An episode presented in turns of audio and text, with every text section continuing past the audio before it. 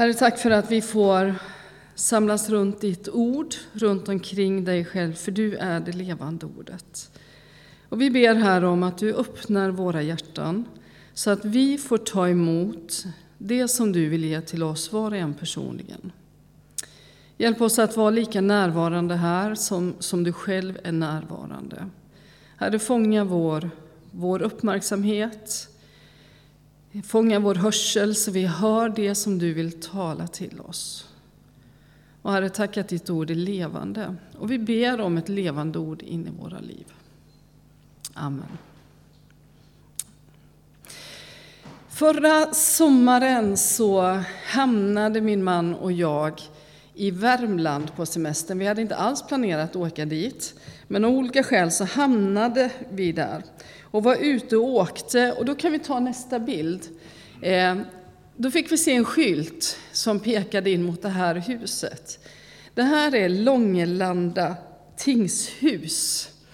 Det är det äldst bevarade tingshuset i Sverige. byggdes runt 1800.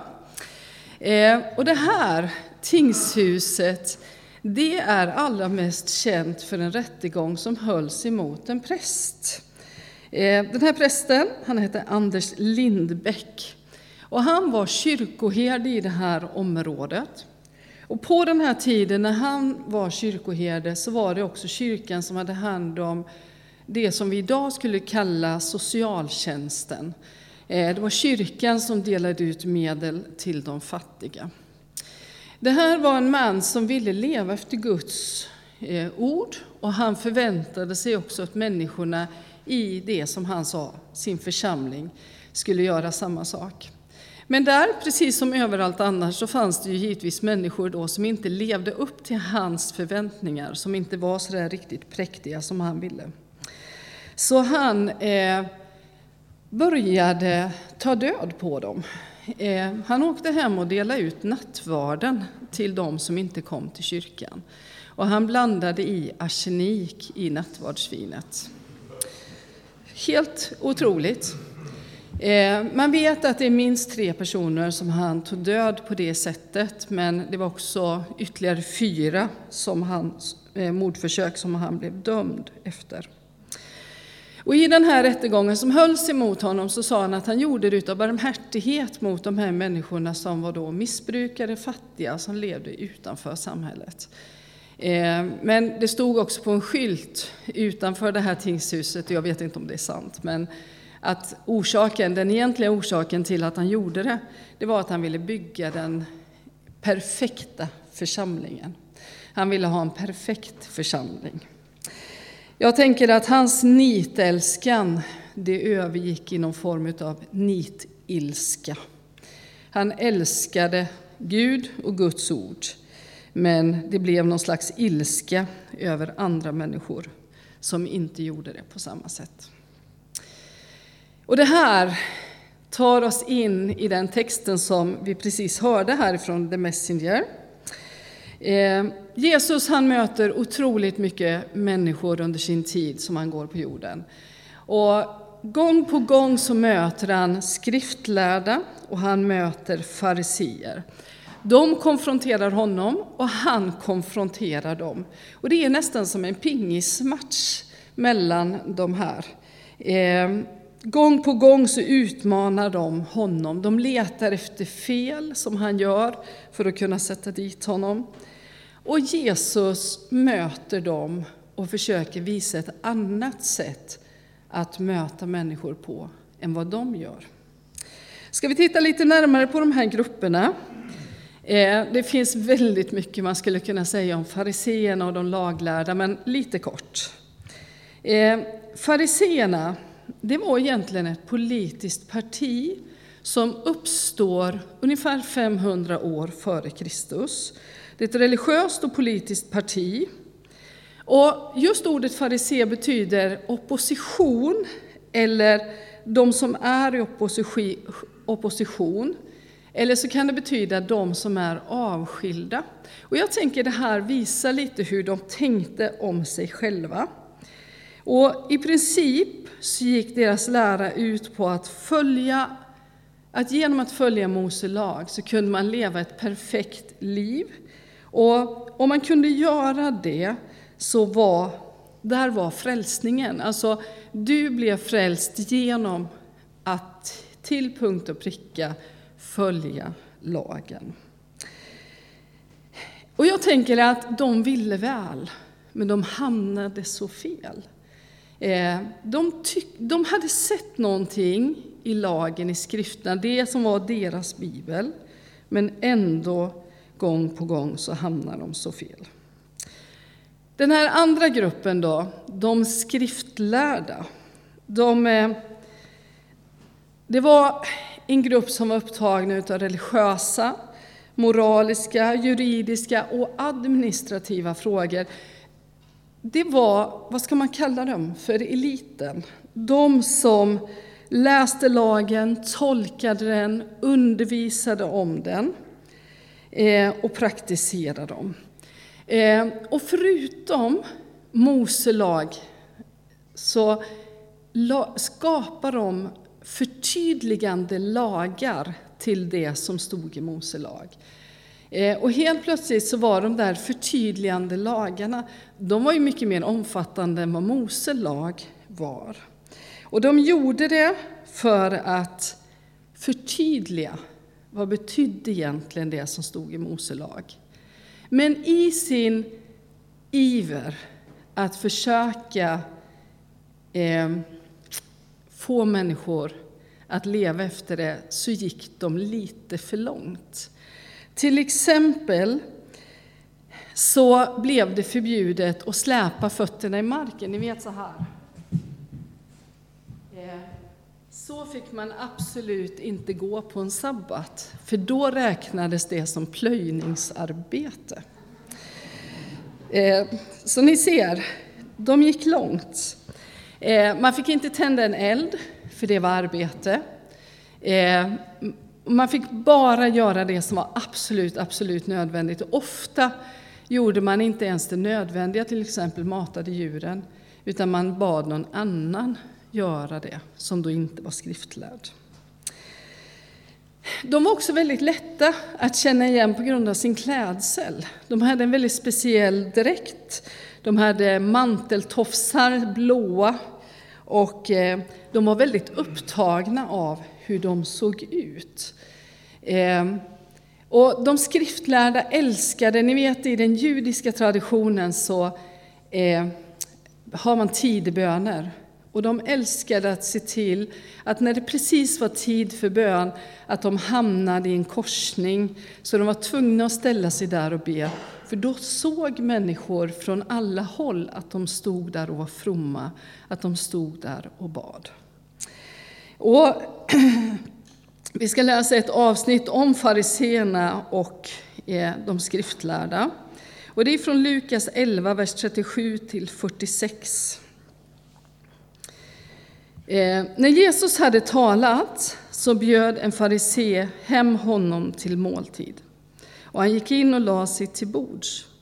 Farisén blev förvånad när han såg att Jesus inte tvättade sig före måltiden.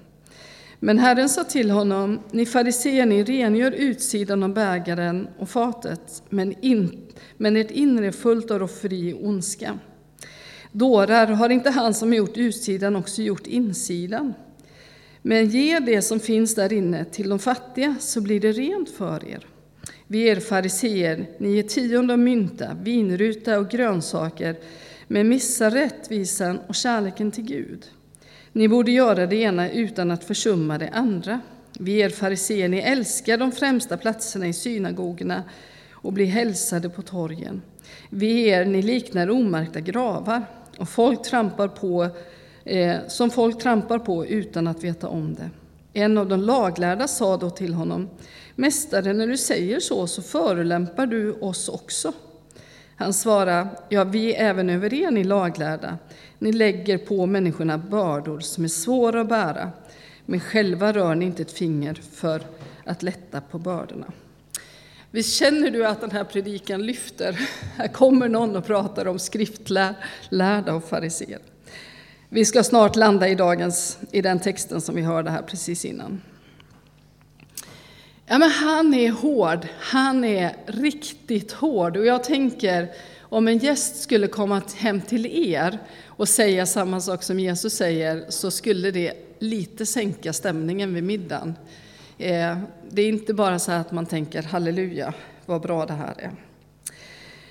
När vi kommer in i Lukas så ser vi just det här, hur konfrontationerna mellan fariséerna och de skriftlärda och Jesus sker gång på gång. Eh, I kapitel 11 i slutet där så står det att de vakar på Jesus för att se om han gör någonting som är fel. Och det är när han har botat en man på sabbaten och det fick man inte göra. Eh, och hela kapitel 14 blir egentligen en lång uppgörelse mellan fariseerna, de skriftlärda och Jesus. Och så kommer vi till kapitel 15. Eh, och vi kommer till den här texten som vi redan har hört. Och vi ska titta lite närmare på de här två första verserna som, eh, som vi hörde alldeles nyss. Vi ska se, de kommer på väggen här. Det är så här kapitel 15 börjar. Alla tullindrivare och syndare höll sig nära Jesus för att höra honom. Men fariséerna och de skriftlärda kritiserade honom ständigt och sa den där mannen tar emot syndare och äter med dem. Vi läste precis att Jesus hade varit hemma hos en farisé och ätit. Men det är inte bara med de fina människorna, de välutbildade som Jesus umgås med, utan hela tiden verkar människor som andra ser ner på. De som är i marginalen, de som kanske inte har de fina husen, de verkar söka sig till Jesus. Alla tullindrivare och syndare höll sig nära honom. Tullindrivarna, den mest avskydda yrkesgruppen kanske utav dem alla. Judar som samlade in tullen och gärna la på lite extra för sin egen räkning. Tullen, pengarna som gick till romarna. Och syndarna, vilka är de då? Det vet vi inte. Vi hör bara att det blir en grupp som blir presenterad som syndarna. Tänk dig det, att vi skulle göra en sån presentation. Ja, men där har vi pensionärerna, där har vi tonåringarna, där har vi svenskarna och där har vi syndarna. De blir liksom ihopklampade. Där är gruppen som är syndarna. Vi har ingen aning om vilka de här var. Vi vet att fariséerna och de skriftlärda, de tyckte inte om de här. De kallade dem föraktfullt för landets folk. Och det var sådana som inte höll lagen. Det var de som inte lyckades att följa Mose lag. De ville inte ha någonting med syndarna att göra. Och hur som helst så verkar det som att syndarna, tullindrivarna, men också fariseerna och de skriftlärda, alla de här trängs omkring Jesus. Någonstans så alla de här grupperna med så olika förut, förutsättningar, alla de närmar sig Jesus hela tiden. Och så börjar fariséerna och de skriftlärda att kritisera Jesus för att han äter med synderna och tullindrivarna. Kan ni tänka er något så hemskt? Han umgås med dem och det chockerar dem. För han säger ju sig vara en lärare ifrån Gud. Hur kunde han göra så? Nu ska vi titta närmare på den här berättelsen. Jag tror att de flesta av oss har läst den här berättelsen som vi kallar för Den förlorade sonen. Det är inte en ny berättelse, eh, kanske för någon, kanske inte för alla. Men det vi möter i den här texten det är ju den österländska storbonden med två söner. De tycks ha det väldigt gott ställt. Eh, och som Messinger uttrycker det, den yngre sonen är en slarver. Eh, han beger sig hemifrån och han lever rullan. Den andra, han är skötsam, han stannar hemma och hjälper till. Tar hand om sin gamla pappa kanske. Ska vi se närmare då på den här yngre sonen. Eh, han finns hos pappan. Allt som han behöver finns där. Eh, där saknas inte någonting. Och så ber han att få ut arvet. Och det där var både helt rimligt och fullständigt orimligt. Var du över 30 år i den judiska traditionen så kunde du begära att få ut arvet. Eh, det var din legala rätt. Men det var samtidigt väldigt oförskämt att göra det. Därför att med indirekt så säger du, jag önskar att du vore död. För jag vill ha det som du har. Det är mitt. Men eh, pappan delar ut arvet. Han säger inte så mycket. Vi hör inte ett ord egentligen från honom. Inga förmaningar, inga kloka råd, inga ord på vägen och inga förebråelser, utan han ger och han låter sonen gå. Och så slösar han bort allting. Det blir hungersnöd. Han eh, börjar lida nöd. Och så börjar han på något sätt att fundera, hur är det? Hemma, då ser det annorlunda ut. Eh, han sitter där. Han har fått sin anställning hos en annan välbärgad man. Sitter och tittar på grisarnas mat och så... Ja, men någonstans börjar han ändå tänka, där hemma är det all, annorlunda. Och i vers 17 i Lukas 15 så står det att han kom till besinning, han kom till sig själv. Och han har gjort den här jämförelsen, livet hemma, livet borta. Och så tar han sitt livs viktigaste beslut. Han vänder hem. Han vänder om. Och pappan, som säkert har stått där ofta och tittat efter honom, han gör det som ingen man i hans ålder i den här kulturen skulle göra. Han springer emot honom. Och det där talet sonen har förberett, det hinner han inte ens börja på. För pappan tar över och ger honom tillbaka allt det han hade förlorat en gång. Och jag tänker att här kommer evangeliet, hur Gud springer emot syndaren. Hur Gud springer emot de här grupperna som fariséerna och de skriftlärda så kritiserar. Och han omfamnar sonen och tar emot honom precis som han är. Och jag tänker att när pappan börjar tala om det här med att ge honom ringen som är dåtidens kreditkort, när han får de nya kläderna, när festen ska, ska förberedas och sättas igång, så är budskapet tydligt till alla som lyssnar. Vi får komma till Gud som vi är. Även när vi umgåtts med grisarna dag och natt och luktar bokstavligen talat som ett svin. När vi kommer tomhänta och inte har någonting att berömma oss av, då står pappan där och tar emot. Och det handlar inte om det perfekta livet, utan det handlar bara om Guds nåd, inget annat. Och så kommer vi till den nästa delen i den här berättelsen.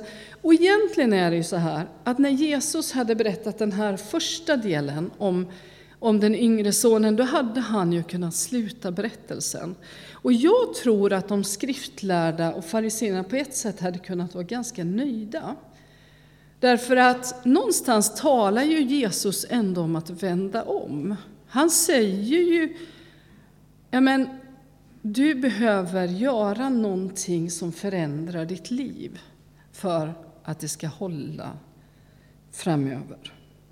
Men Jesus han, han tar berättelsen ett varv till.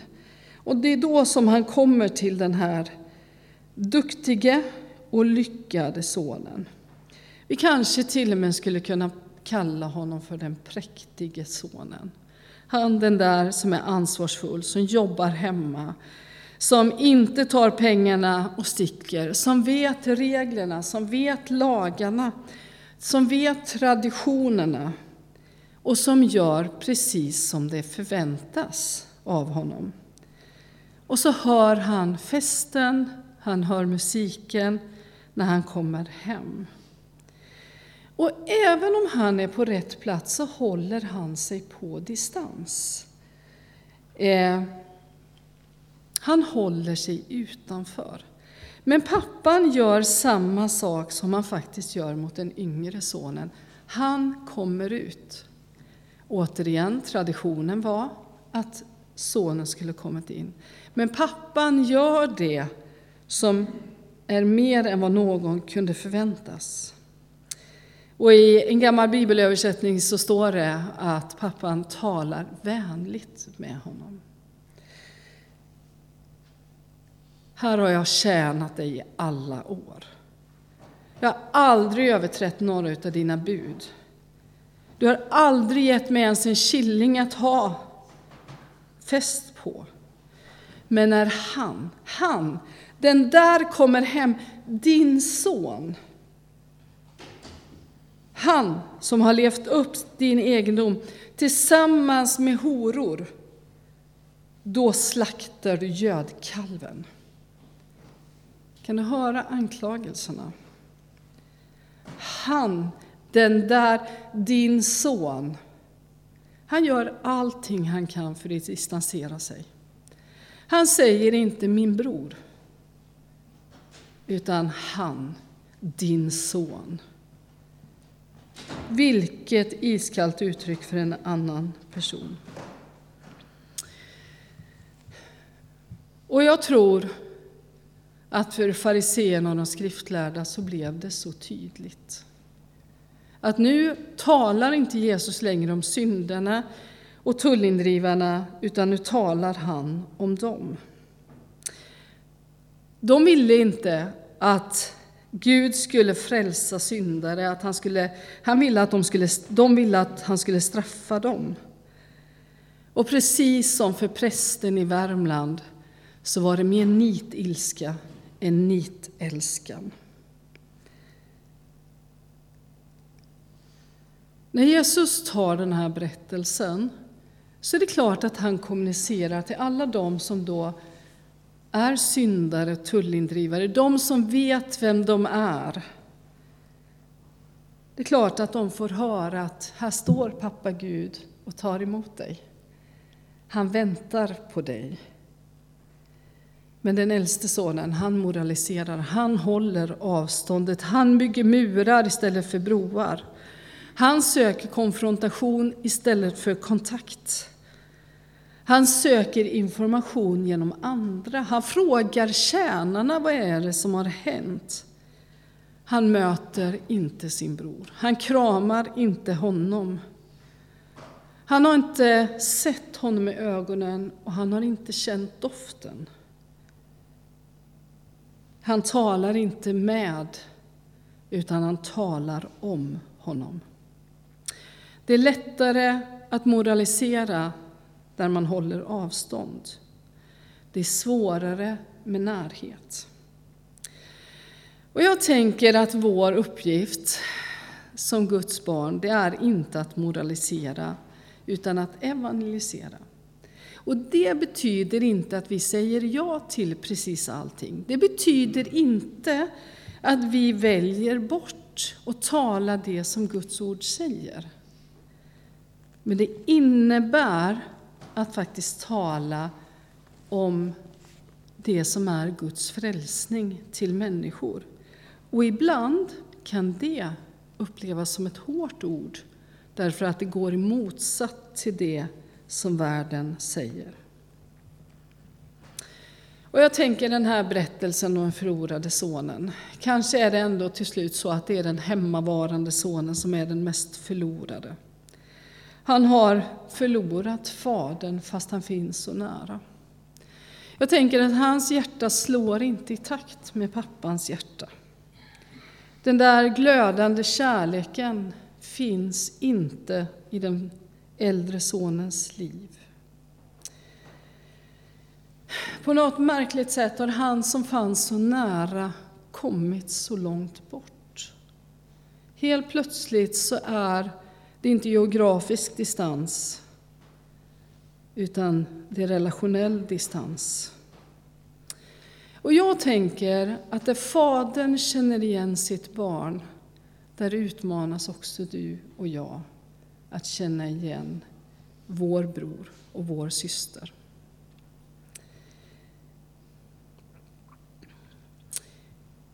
I Pingstkyrkan i Värnamo för väldigt, väldigt många år sedan, de byggde ju en ny kyrka. Och den var otroligt fin, den var väldigt omskriven, i alla fall i kristen press. Eh, och de hade den stora invigningsgudstjänsten. De hade inrett kyrkan så fint och de hade en stor, dyr och fin matta längst fram.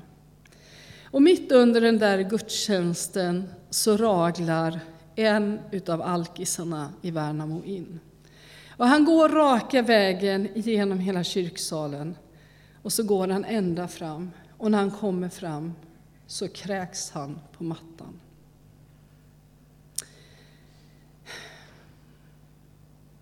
Jag vet inte vad jag hade tänkt. Jag hade nog blivit ganska arg. Jag hade nog blivit ganska upprörd, ska jag ärligt säga. Jag hade nog slitit tag i mannen och försökt få ut honom. Men tack och lov så var det inte jag som stod där, utan det var en mycket klokare och mycket mer kärleksfull pastor. Eh, för när den här mannen har spytt så får han hjälp att gå ut. Och så ställer sig pastorn i talarstolen och så säger han, nu är vår kyrka invigd på riktigt. Och jag tänker att det finns en utmaning för dig och mig idag. Vi kanske inte är fariseer, vi kanske inte är skriftlärda. Men det finns en utmaning för oss att möta dem vi möter utanför kyrkans väggar, på våra arbetsplatser, i grannens tomt eller på grannens tomt. Där har du och jag en utmaning att faktiskt som Jesus få komma med utsträckta armar, att få visa kärleken. Att få känna Guds hjärta för den som är förlorad. Där behöver du och jag vara. Ska vi be.